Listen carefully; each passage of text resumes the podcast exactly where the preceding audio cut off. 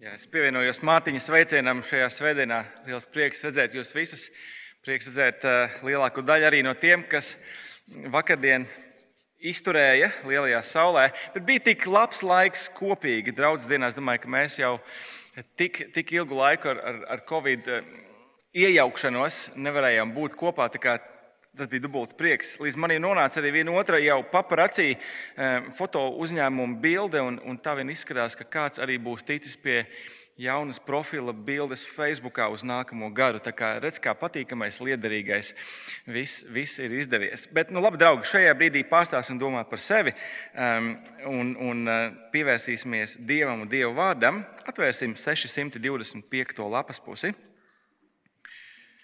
Un eh, nolasīsim nedaudz pagarāko, bet nu, arī pēdējo, pēdējo psalmu, 4. psalmu grāmatā, 106. psalmu. 625 un 106. psalms. Slavējiet kungu, pateiciet kungam, jo viņš ir labs, jo viņa žēlastība uz mūžiem. Kas spēs izstāstīt kunga varnos darbus, izsacīt visu viņa slavu, svētīti, kas spriež taisnu tiesu, kas vienmēr rīkojas taisnīgi. Kad lolos savu tautu, kungs, atceries mani, kad glābsi viņus, pamani arī mani, lai redzu, cik labi tiem, ko tu izredzējis, lai priecājos ar tavu tautu, lai lepojos kopā ar tiem, ko tu mantojies. Mēs grēkojām kopā ar saviem tēviem, mēs noziedzāmies un darījām negantību. Mūsu tēvi Eģiptē ņēmās, ņēma vērā, neņēma vērā tavus brīnumus, aizmirsa, cik liela tava žēlastība. Sadumpojās pie jūras, pie niedru jūras. Viņš tos izglāba sava vārda dēļ, lai visi zina viņa varenību. Viņš rāja niedru jūru un tā izsusēja. Viņš veda tos cauri dzelmai kā tuksnesim. Viņš izglāba tos no pretinieka rokām un izpirka no naidnieka rokām. Ūdeņi apklāja viņa naidniekus. Neviens no tiem nepalika pāri. Tad viņi ticēja viņa vārdiem, dziedāja slavu. Ātri tie aizmirsa viņa darbus, tie negaidīja viņa padomu. Kārums pārņemtos tuksnesī, tie pārbaudīja Dievu uh, tukšatnē, un viņš tiem deva, ko tie lūdza. Tad uzsūtīja tiem kārnumu kaiti. Tie kļūs skaudīgi uz mūzu nometnē, uz Āronu, kungam nošķirto. Tad vērās zem un aprija dātanu un apklāja abirāma saimi. Un uguns iedegās viņa vidū, liesma sadedzināja ļaundarus. Tie Horebā taisīja teļu un pielūdza lietu tēlu, tie izmīja savu godību pret vērša attēlu, parasta vērša, kas zāli ēd. Tie aizmirsa Dievu, savu glābēju, kas darīs diženas lietas Eģiptē, brīnums Hāma zemē, varenas darbus pie Niedru jūras. Tad viņš teica, ka viņš tos iznīcinās. Ja nebūtu Mūzus, kas viņa izredzētais, stājies pret viņu mūra plaisā, novērsis viņa naidu, ka viņš tos neizdeldē. Tie nonicināja tīkamo zemi, tie nenoticēja viņa vārdam, tie kurnēja savā teltīs, tie neklausīja kunga balsī. Tad viņš pacēla roku pret tiem, lai nosviestu tos tuksnesī un izsviestu viņu sēklu starp tautām un izkaisītu tos visās zemēs. Tie uzņēmās bālu peori jūgu un ēda, kas upurēts nedzīviem dieviem. Tā tie aizsvīla viņa dusmas, un starp viņiem izplatās sērga. Tad cēlās Pinhās par vidutāju, un sērga tika apturēta. Tas ieskaitīts viņam par taisnību darbu, augu audzēs uz mūžiem. Tie aizdeva dusmas pie mērības ūdens, un mūzum misējās viņa dēļ. Tie sarūktināja viņa garu, ka viņš runāja, neapsvēris vārdus. Tie neiznīcināja tautas, kā kungs tiem licis, bet jaucās ar tautām un mācījās darīt, kā tās dara. Viņš kalpoja, viņi kalpoja to elkiem, tie kļuva viņiem par slazdu.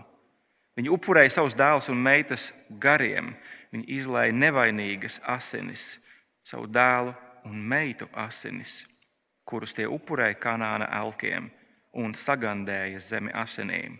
Tie apgānījās tā darīdami un atkāpās tā rīkodamies.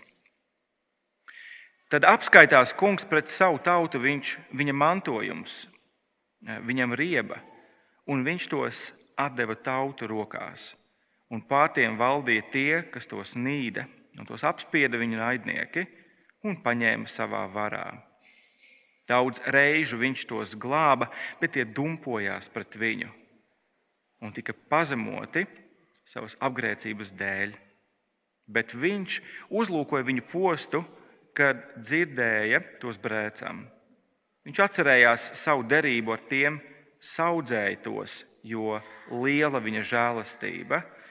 Viņš darīja visus tos gūstītājus līdzjūtīgus. Glāb mūs, Kungs, mūsu Dievs, sapulcē mūs no tautu vidus, lai pateicamies Tavam svētajam vārdam un ar lepnumu Tevi slavējam. Slavēts lai Kungs! Izraēla Dievs no mūžības un līdz mūžībai. Un visa tauta teica patiesi: Slavējiet kungu! Lūksim Dievu!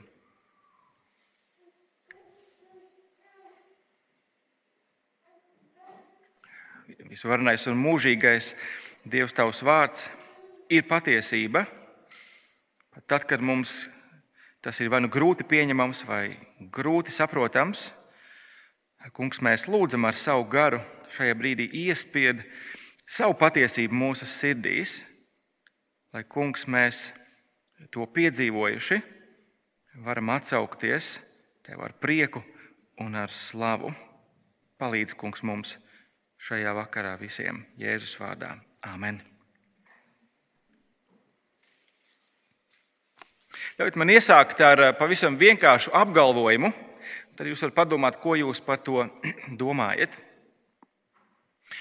Apgalvojums skan šādi: cilvēki būtībā ir labi.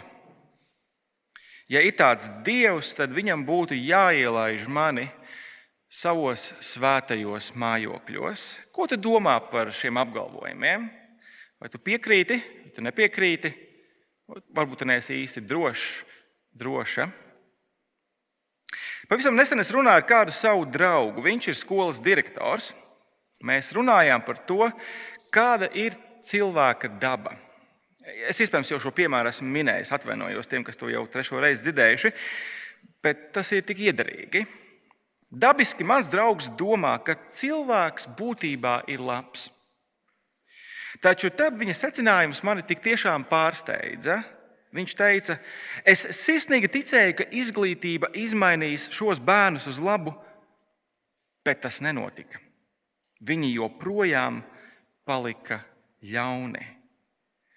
Nu, es, protams, teicu, ka mana, manu bērnu klases audzinātāji pilnīgi neko tādu nesaka par maniem bērniem. Viņi ir ļoti labi. Nu, protams, ka es tā neteicu, tāpēc ka es tam ne brīdi neticu. Eh, bet atzīsiet, mana drauga secinājums ir diezgan fundamentāls. Bet vai tas ir pietiekami fundamentāls? Ja jūs pavaicāt manam draugam vai dievam, ja tāds ir, joprojām būtu jāielaiž šādi cilvēki debesīs, viņš izsauktos, protams, protams, katrā ziņā. Ko tu teiktu? Vai cilvēki būtībā ir labi? Ja tu tā domā, tad kādi tam ir pierādījumi, tavuprāt? Man, man liekas, pietiek ātri pārskriet pāri ziņu virsrakstiem, lai mūsu optimisms tā teikt saruktu. Globālā mērogā mēs redzam, lietas gluži nevirzās uz labo pusi. Krievijas iebrukums Ukrajinā un tur joprojām notiekošās šausmas. Jautājums cilvēks būtībā ir labs Lokāli, Lokāli pagājušā nedēļā jaunietis reibumā izvizinot meiteni ar BMW, nogalina cilvēku uz regulējumus gājēju pārējais ķēngaragā. Cilvēks būtībā ir labs un personiski, personiski tā runājot, ka lietotnes WhatsApp atjauninājums ļaus pamest WhatsApp grupu pakluso. Cilvēks būtībā labs. Nu, var jau būt, ka šis nav gluži precīzākais e, cilvēka pilnīgas samaitātības piemērs, bet tajā parādās zināmas iezīmes. Pareizi. Es kancelēšu tevi pakluso. Mūsu šīs dienas psalms, draugi, ļoti atklāti runā par cilvēka dabu. Tas, ko mēs ieraudzījām psalmu lielākajā daļā, vidusdaļā, mēs, mēs vidusdaļā atklājam vecās derības komentētāja Dereka Kidnera vārdiem, citēju ēnu, kuru met cilvēka ietiepība tās garajā cīņā pret gaismu. Un skumjākais varbūt ir tas, ka nav runa vienkārši par cilvēkiem vispārīgi. Nē, ir runa par dieva ļaudīm, kuru dzīves gājumu raksturo grēks un sacelšanās, izgāšanās, neizdošanās. Un sastais pants, ja jūs ātri iemetat aci, sastajā pantā, mēs īstenībā ieraugam, ka arī mēs stāvam šajā garajā, garajā rindā ar cilvēkiem, kuriem ir jāatzīstas savos grēkos. Ieskatieties, mēs grēkojām kopā ar saviem tēviem. Mēs, mēs noziedzāmies un, nedari, un nedarījām negantību. Ka lielākā psalma daļa ir kaut kādā ziņā skarbi, reāli skumdinoša, taču šis psalms pārsteidz mūs arī ļoti pozitīvi līdzās cilvēka ietēpībai, tās garajā cīņā pret gaismu, iemirdzas tā teikt, psalma centrālā tēma, un tā ir dieva neparastā pacietība. Tiešām neparastā pacietība. Un tāpēc autora nolūks ir slava. Neskatoties uz cilvēku dumpību pa vidu no 6. līdz 39. pantam, psalms mudina slavēt Dievu par viņa pacietību. Psalms 1. pantā sākās ar slavu, un 48. pantā viņš nobeidzās ar slavu. Kaut kādā ziņā šis ir skaidrs, šis ir uzskatāms. Man liekas, ka psalma izaicinājums un tas grūtākais mums šajā pēcpusdienā būs izdibināt to, kādā veidā autors šīs ceturtās grāmatas izskaņā, kādā veidā viņš nonāk no otrā panta nepārliecinātības, nedrošības par, to, par, par kunga glābšanu kaut kādā ziņā. Kā viņš tajā iedarās? Kā viņš nonāk no 2. panta līdz 48. pantam, kur viņš saka, visa, visa draudzene, visi ļaudis slavējiet, un visi saka, Āmen. Tas ir mūsu izaicinājums šajā pēcpusdienā. Izdibināt, kā, no kurienes, kā veidojās šī pārliecība. Tad, paturot prātā šo uzdevumu, izdibināt autora eh, pārliecinātās slavas pamatu, pievērsīsimies cilvēku ietiepībai, tās garajā cīņā pret gaismu. Un, ja jums palīdz satura izklāsts, varat pasakot līdzi šim uzskaitījumam. Es viņam izjoņošu burtiski cauri. Pirmais - tātad cilvēku ietiepība un tās garā cīņa pret gaismu. Es domāju, ka šeit eh, vidusdaļā lasītājiem nebūtu mūs jāpārsteidz, kāpēc Dievs jau izsenis ir, ir izdarījis vērtējumu par cilvēku. Par to, kāda ir cilvēka daba. Jūs iespējams atminaties šo pirmo brīdi, eh, tā teikt, um, jaunajā pasaulē pēc grēku plūdiem, 1. mūzes grāmatā, 8. nodaļā, mums ir šis spriedums no Dieva. Ja cilvēka sirds domas ir ļaunas kopš viņa jaunības, Kā cits cilvēks, viņš ir ļauns kopš jaunības. Un mūsu psalma vidusdaļa ilustrē tieši šo patiesību. 34 pantos mēs ieraugām stāstu par dieva ļaužu grēku un pretestību dievam. Tas sākās otrajā mūzes grāmatā, un tas, ja tā var teikt, noslēdzās Bābeles trimdā. Bet kā jau sastais pants to atgādina, šis stāsts turpinās. Viņš turpinās arī stipri tālāk. Arī mēs esam daļa no šī stāsta.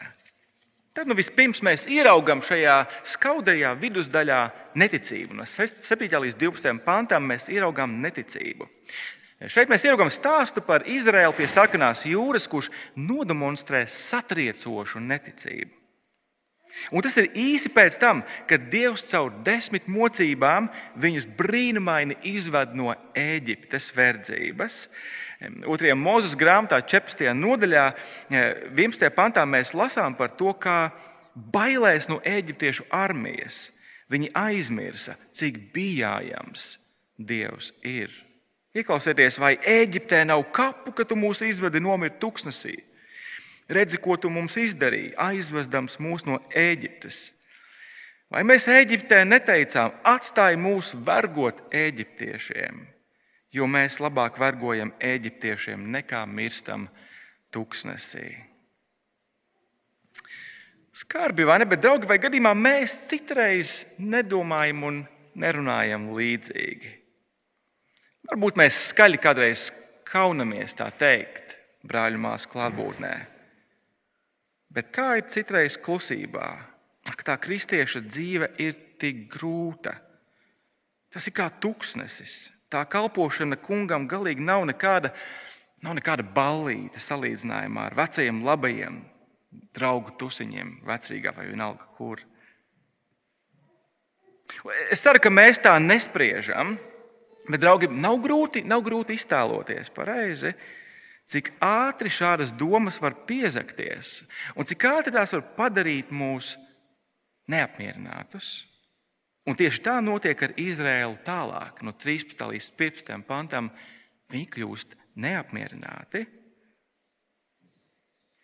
Mēs redzam šeit, ka Izraels nenokārtoja pārbaudījumu tūkstnesī. Tai vietā viņi pārbaudīja kunga pacietību, kārojot pēc Eģiptes labumiem. Mēs, mēs redzam, tur parādās netālu, kas mūs paēdinās ar gaļu, viņi saka.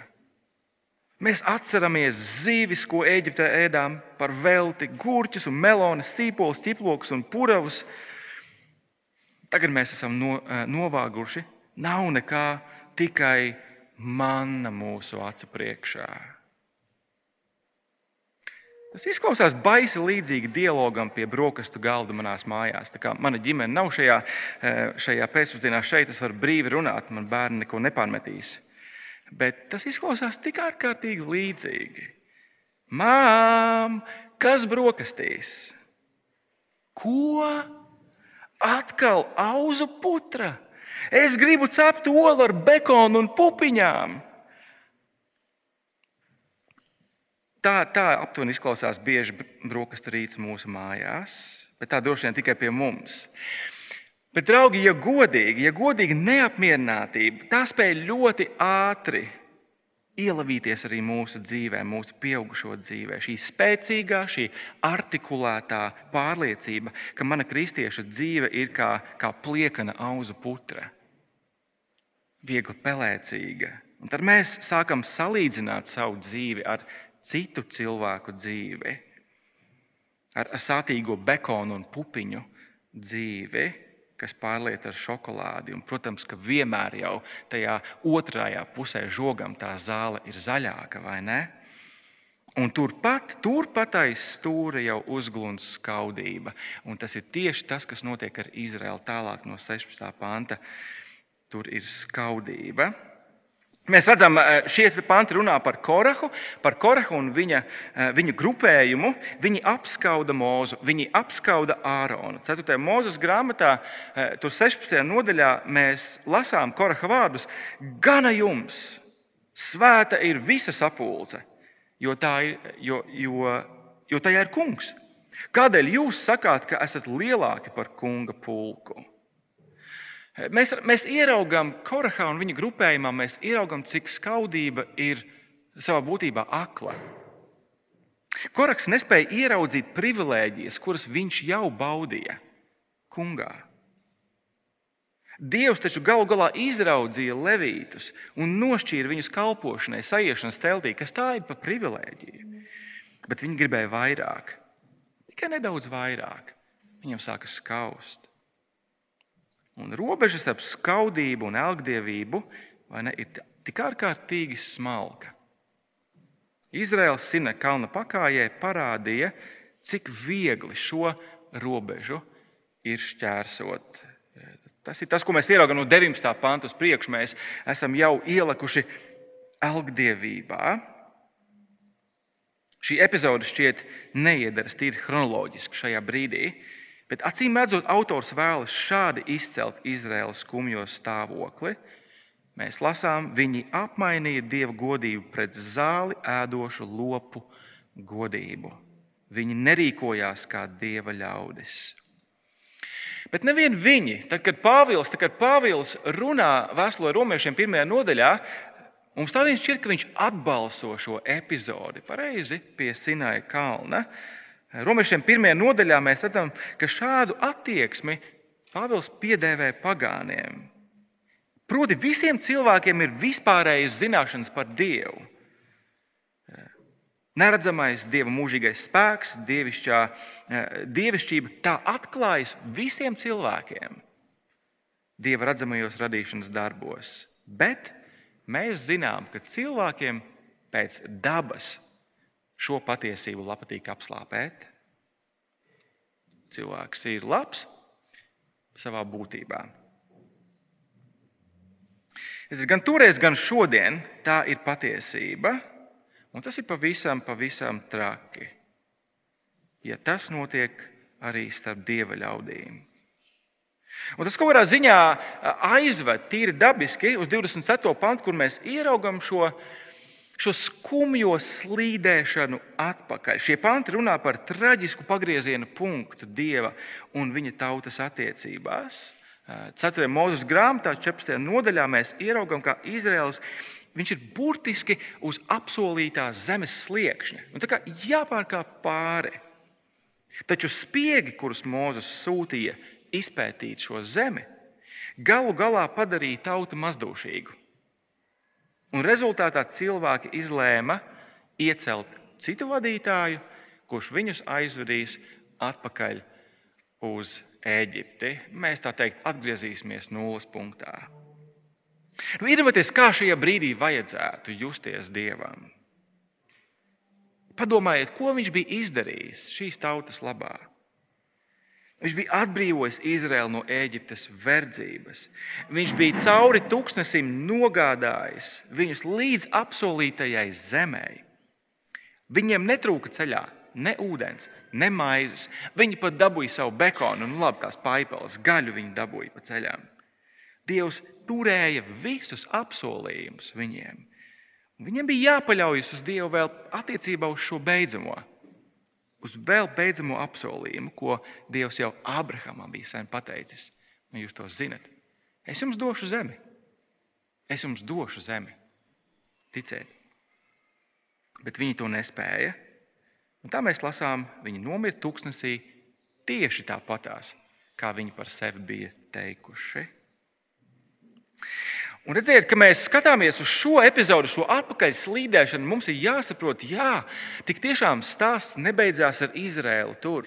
Nec tūkstnesī, nec arī Bābeles trimdā, kā, kā psalmis 6. pantā saka, arī mēs, arī mēs esam šajā garajā rindā, un tāpēc arī mums šodien, draugi, mums ir jādzird vēstules ebrejiem šis brīdinājums, kur autors brīdina kristiešus, lai mēs, lai mēs nepieļaujam šo pašu kļūdu.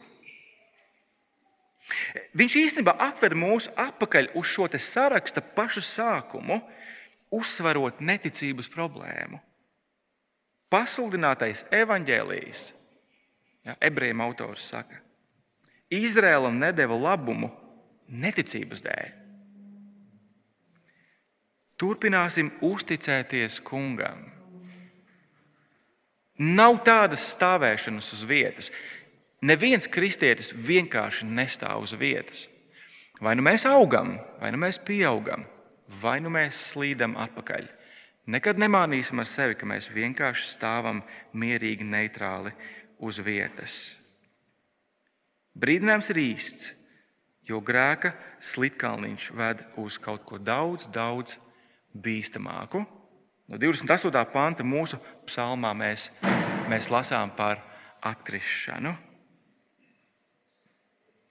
Un, protams, ka šī ir patiesi šķebinoša epizode Izraēla tautas vēstulē, ja jūs lasāt no 28. pantus priekšu.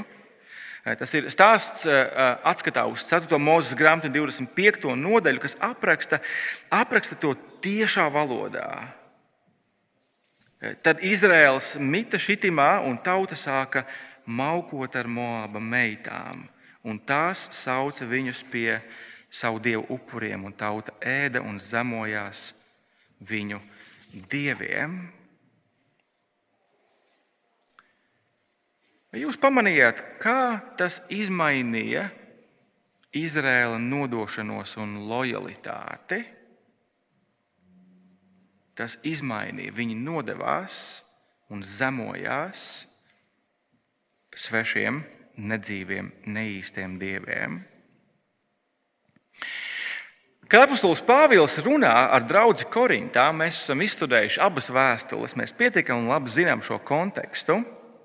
Kad viņš runā uz draugu Korintā par sveša jūga nevilkšanu kopā ar neticīgajiem, viņa mērķis savā būtībā centrāli ir viens - iekvēlināt korintiešu deksmi par evaņģēlīju, aizdedzināt viņus no jauna.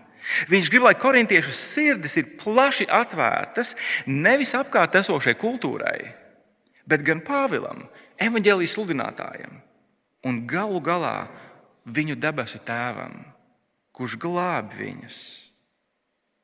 Un es domāju, ka Pāvils netieši atbalso likumsakarību, kas vies cauri visai vecajai derībai. Proti, ka savienošanās ar kādu seksuāli ir cieši saistīta ar to, ko tu pielūgsi.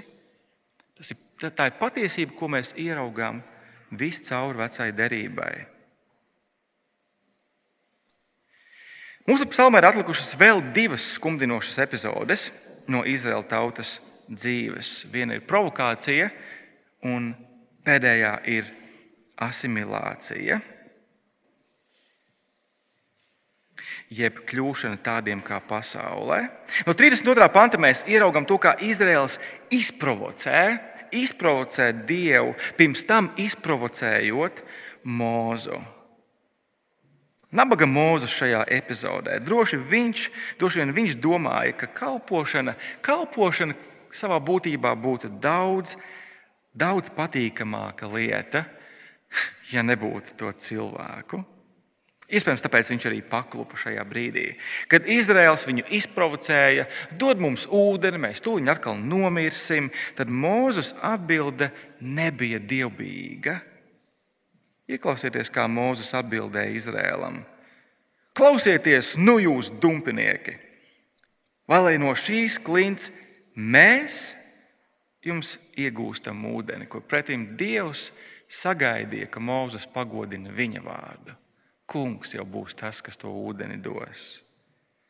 Un Mozum tas maksāja ļoti dārgi. Viņš nedrīkstēja ievest Izraēlu apsolītajā zemē. Viņš, viņš aizgāja pie Dieva, esot vēl tūkstnesī. Bet, protams, ka Izraels arī nebūtu netika cauri sveikā.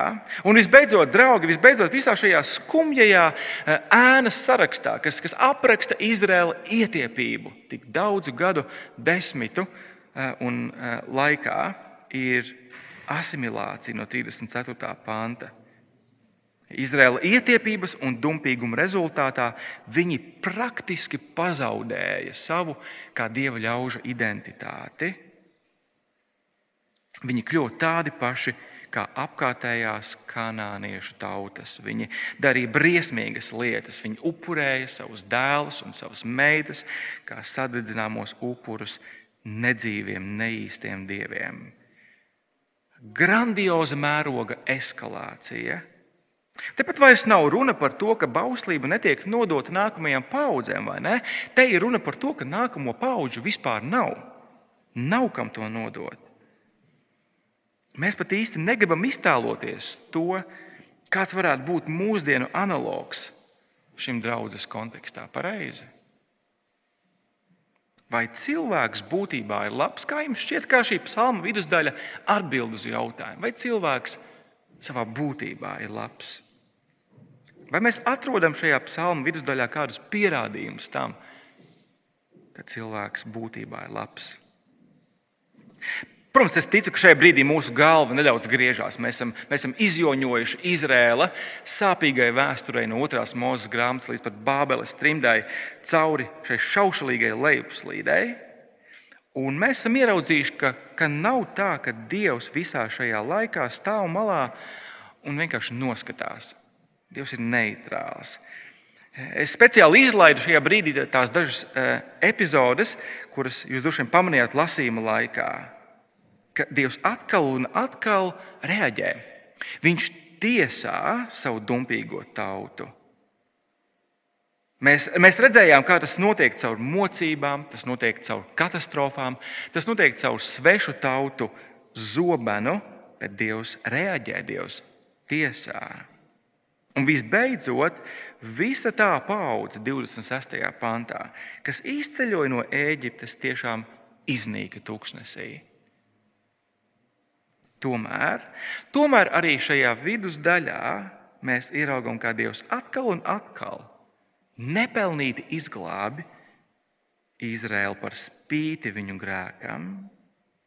Cik pacietīgs ir Dievs?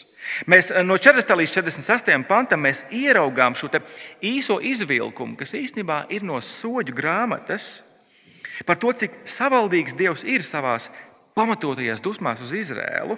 Ieskatieties 41. pantā.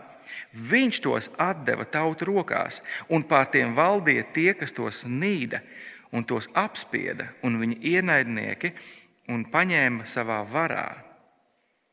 Daudz reižu viņš tos glāba, bet tie dumpojās pret viņu un tika pazemoti savas apgrēcības dēļ.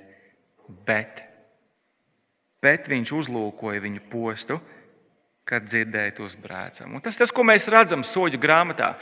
Viņi grēko, Dievs viņus tiesā, viņi ir apspiesti, viņi brēc, Dievs glābi un tā tālāk. Un tā tālāk. Cik Dievs ir pacietīgs, lēnīgs dusmās, cik viņš ir savaldīgs, cik labs ir kungs. Viņa žēlastība tik tiešām ir uz mūžu Tā ir liela, kā psalmists saka. Un par to autors runā šajās, šajā psalma sākumā un beigās. Atcerieties par Dieva žēlastību, cik tā ir mūžīga, cik tā ir liela. Tā ir Dieva lielā pacietība un viņa glābšana, jo Viņš ir labs. Ieskatieties pirmajā pantā, un pēc tam pašā beigās, 48. pantā. Slavējiet kungu, pateicieties kungam! Jo viņš ir labs, jo viņa žēlastība uz mūžiem. Un 48. pantā slavēts lai kungs, Izraēla dievs no mūžības līdz mūžībai. Un visa tauta teica, patiesi slavējiet kungu. Galu galā 106. psalms mudina mūs slavēt Dievu par viņa mūžīgo žēlastību un pacietību ar grēcīgiem cilvēkiem. Bet atcerieties mūsu mūsu jautājumu, cik drošs un pārliecināts šajā slavā es esmu. Vai mana pārliecība līdzinās vairāk 1 līdz 4 panta slavētājiem, vai mana pārliecība ir 47. un 48. pantā? Ziet, abos gadījumos ir atziņa par to, ka Dievs ir glābējs. Tik tiešām. Bet pārliecība par to ir atšķirīga. Ļaujiet, es izdarīšos cauri ātri pirmajiem četriem pantiem, parafrāzējot. Slavējiet un pateicieties kungam, bet otrais pants. Kas spēs izsacīt viņa slavu? Kas spēs? Iekavās, vai es esmu cienīgs? Kas to spēs izdarīt? Trešais pāns - svētīgi, kas vienmēr rīkojas taisnīgi. Jā, es apliecinu to, sveitīgi viņi ir, bet vai es esmu viens no tiem? Atceries mani, kad tu glābsi viņus, atceries arī mani, jo es īsti neesmu drošs par sevi. Redziet, dziesmniekam ir atziņa par dieva labestību un glābšanu, bet viņš labi apzinās savu un savu tēvu sastrādātos grēka darbus. Viņš saka, es neesmu drošs. Viņa pārliecība ir sašķobījusies. Viņš nav drošs, ar kādu dievu viņam būs darīšana. Vai viņam būs darīšana ar, ar šo mīlošo Dievu, kur uzticība ir un, un žēlastība ir mūžīga, vai viņam būs darīšana ar tiesājošo Dievu, kas veselu paudzi atstāja tuksnesī mirušus? Vai arī mēs bieži nejūtamies kaut kur līdzīgi? Mēs ar, mēs ar lūpām apliecinām skaidras patiesības, kuras Bībele mums māca, kuras mēs melnus uz balta lasām, bet cik bieži mēs jūtamies citādāk? Bieži mūsu pārdomas, mūsu iekšējais dialogs nevar skanēt līdzīgi kā šis Dievs. Tēvs, es zinu, ka tu esi labs Dievs, es, es zinu to. Bībele par to runā. Bet jūs arī taisnīgs Dievs, un es neesmu.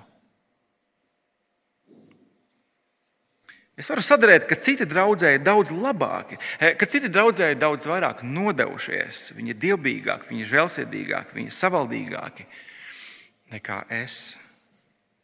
Es zinu, ka tava nelūkamā žēlastība pastāv mūžīgi, un tomēr, tomēr tu tiesāji savus ļaudis vecajā derībā.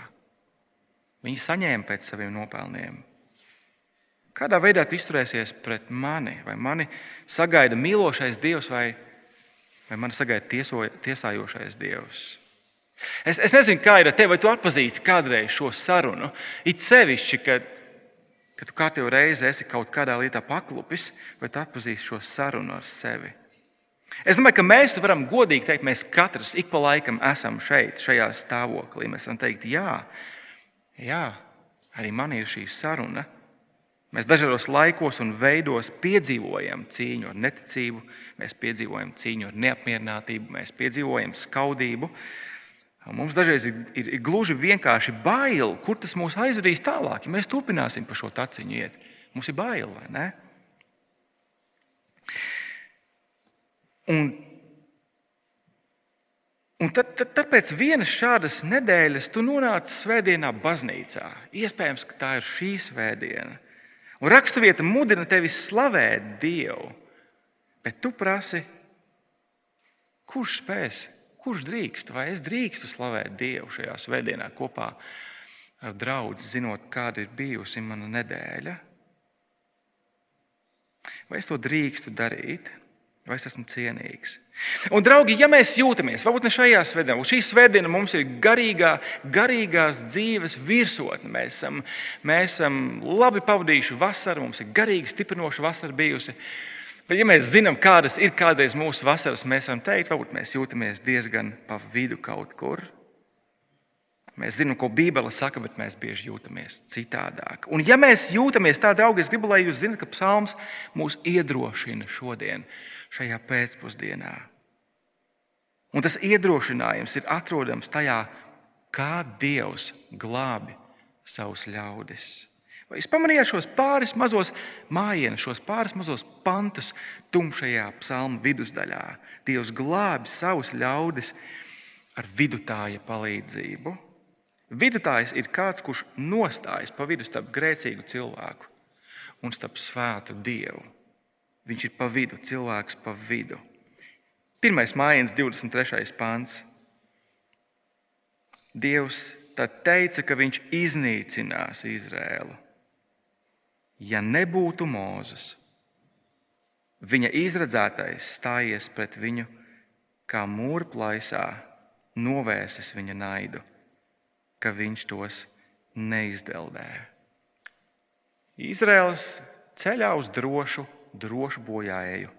Mozus cilvēks pa vidu novērš dievu naidu. Un vēl ieskatieties 30. pantā, kungs atkal, atkal dedzīgās dusmās grib iznīcināt šos ļaudis viņu šaušalīgās atkrišanas dēļ. Bet tad cēlās Pinhās, un mēs ieraugām šo vārdu par vidutāju, un sērga tika apturēta.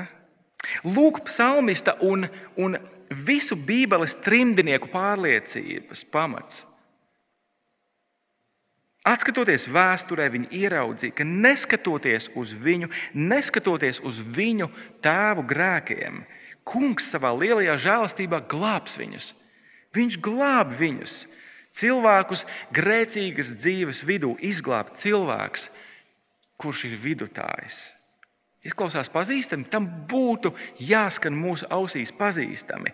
Draugi, vai tad mums nav šis pilnīgais vidutājs, kurš ir nostājies pa vidu starp svētu dievu un grēcīgiem mums? Apostols Pāvils pirmajā vēstulē Timotejam, otrajā nodaļā raksta šādi: Jo ir viens vienīgs dievs un viens vidutājs starp dievu un cilvēkiem cilvēks Kristus Jēzus, kas sevi ir nodevis par izpirkumu visu labā, tā kļūdams par pestīšanas liecību, laikam pienākot.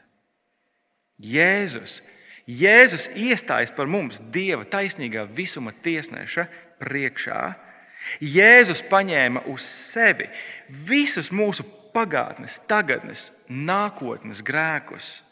Jēzus uznesa savā miesā tos pie krusta un izcieta par tiem sodu mūsu vietā. Bet, protams, Jēzus nebija parasts cilvēks vidutājs, Mozus vai Pinhās vai kāds cits. Vēstule ebrejiem atklāja, tur otrajā nodaļā, ko daudz varenāku. Mēs redzam Jēzu, kas uz īsu brīdi nolikts zemāk par eņģeļiem, nāves ciešanu dēļ vainagots ar godu un slavu, lai Dieva žēlastībā izciestu nāvi par visiem. Ko tas nozīmē? Ko tas nozīmē mums, tiem, kas mēs ceram uz viņa glābšanu? Kas mēs ceram uz viņa glābšanu mūsu grēka cīņas vidū? Ko tas nozīmē? Padomājiet, ja Jēzus ir nodevis sevi par izpirkumu tavā labā, tev vairs nav nekādas pazudināšanas. Ja Jēzus ir pilnīgi samaksājis par tevi, tev nav nekādas pazudināšanas. Viņš ir veicis pilnīgu samaksu par tavu grēku parādu.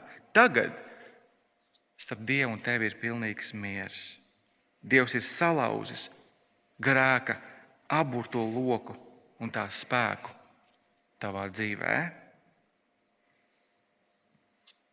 Ko tas nozīmē? Tas nozīmē, ka mēs viņu varam slavēt. Tas, ko psalmists mums, mums mudina, slavē, slavē viņu, slavē viņu par spīti tam, ka esi ieraudzis vai tu esi ieraudzis pa vidu šim, šai karstajai, šķietam nebeidzamajai cīņai ar grēku, pasauli, sātanu. Paļaujies, paļaujies uz cilvēku, kurš ir par vidu, paļaujies uz Jēzu, kurš uz īsu brīdi bija darīts mazāks par eņģeļiem, kurš ir augšām celtais valdnieks un kungs. Ja tu esi kāds, kas vēl nepazīst mieru ar Dievu, savu grēku piedošanu, ko ir sagādājis vidutājs, ja tas esi tu, tad, tad sauc uz viņu, izmantojot 47. panta vārdu. Sauc uz viņu glābu, glāb mani. Nav nozīmes tam, ko ir izdarījuši tavi tēvi, vectētiņš, vectētiņš. Nav, nav nozīmes tam, ko tu esi izdarījis savā dzīvē. Tam nav nozīmes. Jēzus asinis ir nesalīdzināmi spēcīgākas. Tas glābi. Džons Ņūtons, ar to arī noslēgšu, bija brutāls jūras vilks. Viņš, viņš pārvaldīja vergu kuģi, vergu tirniecības kuģi. Bet tad kādā vētrainā naktī, kad viņš saprata, ka, ka, ka viss ar viņu ir cauri, viņu sagaida droša bojāēja. Viņš eh, mātes bērnības lūgšanu un mācības mudināts sauca uz kungu. Viņš piesauca kunga vārdu. Viņš teica, glāb mani. Un kungs izglāba viņu. Viņš izglāba viņu gan no kuģa bojājas, gan arī no, no karstajām ēles liesmām. Un tad no savā sirmajā vecumā, skatoties uz savu dzīvi un tā šaušalīgajiem līkločiem, Džons Ņūtons varēja droši apliecināt, es citēju viņu, lai arī mana atmiņa izplēna, es ļoti skaidri zinu divas lietas. Es esmu liels grēcinieks, un Kristus ir liels glābējs. Vai Džona Ņūtona vārdi nav tik iederīgi, kā kopsavilkums arī 106. psalmam? Cilvēki ir lieli grēcinieki, bet Kristus ir liels glābējs. Slavē viņu! Slavē viņu! slavē viņu, jo viņš ir labs un liela ir viņa žēlastība. Lūksim!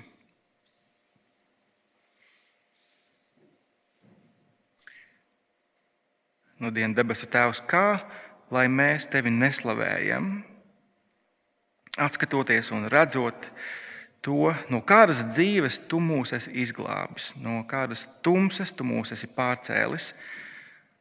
Jēzu Kristu viņa mīļajā, gaišajā valstībā. Kā lai mēs tevi neslavējam, Kungs? Un šajā dienā mēs lūdzam, ka pat tad, kad mēs piedzīvojam arī savā dzīvē joprojām šo karsto cīņu ar grēku, ar pasauli, ar sātanu, savu miesu, Kungs, ka mēs nepadodamies, bet mēs turpinām paļauties uz vidutāju, ko tu esi mums pagādājis. Uz Jēzu, kurš savā miesā izcieta visu sodu un izpirka visus mūsu grēkus pagātnē, tagadnē un nākotnē. Kungs, lai viņa darbs ir tas, kas drošina mūs iet uz priekšu, paļāvībā uz to, ka tu mums parādīsi savu mūžīgo žēlastību, ka kādu dienu mēs būsim apsolītajā zemē, pilnīgā, pilnīgā svētā dzīvē, tavā priekšā. Mēs tevi slavējam, Kungs! Jēzus nopelnu dēļ. Āmen!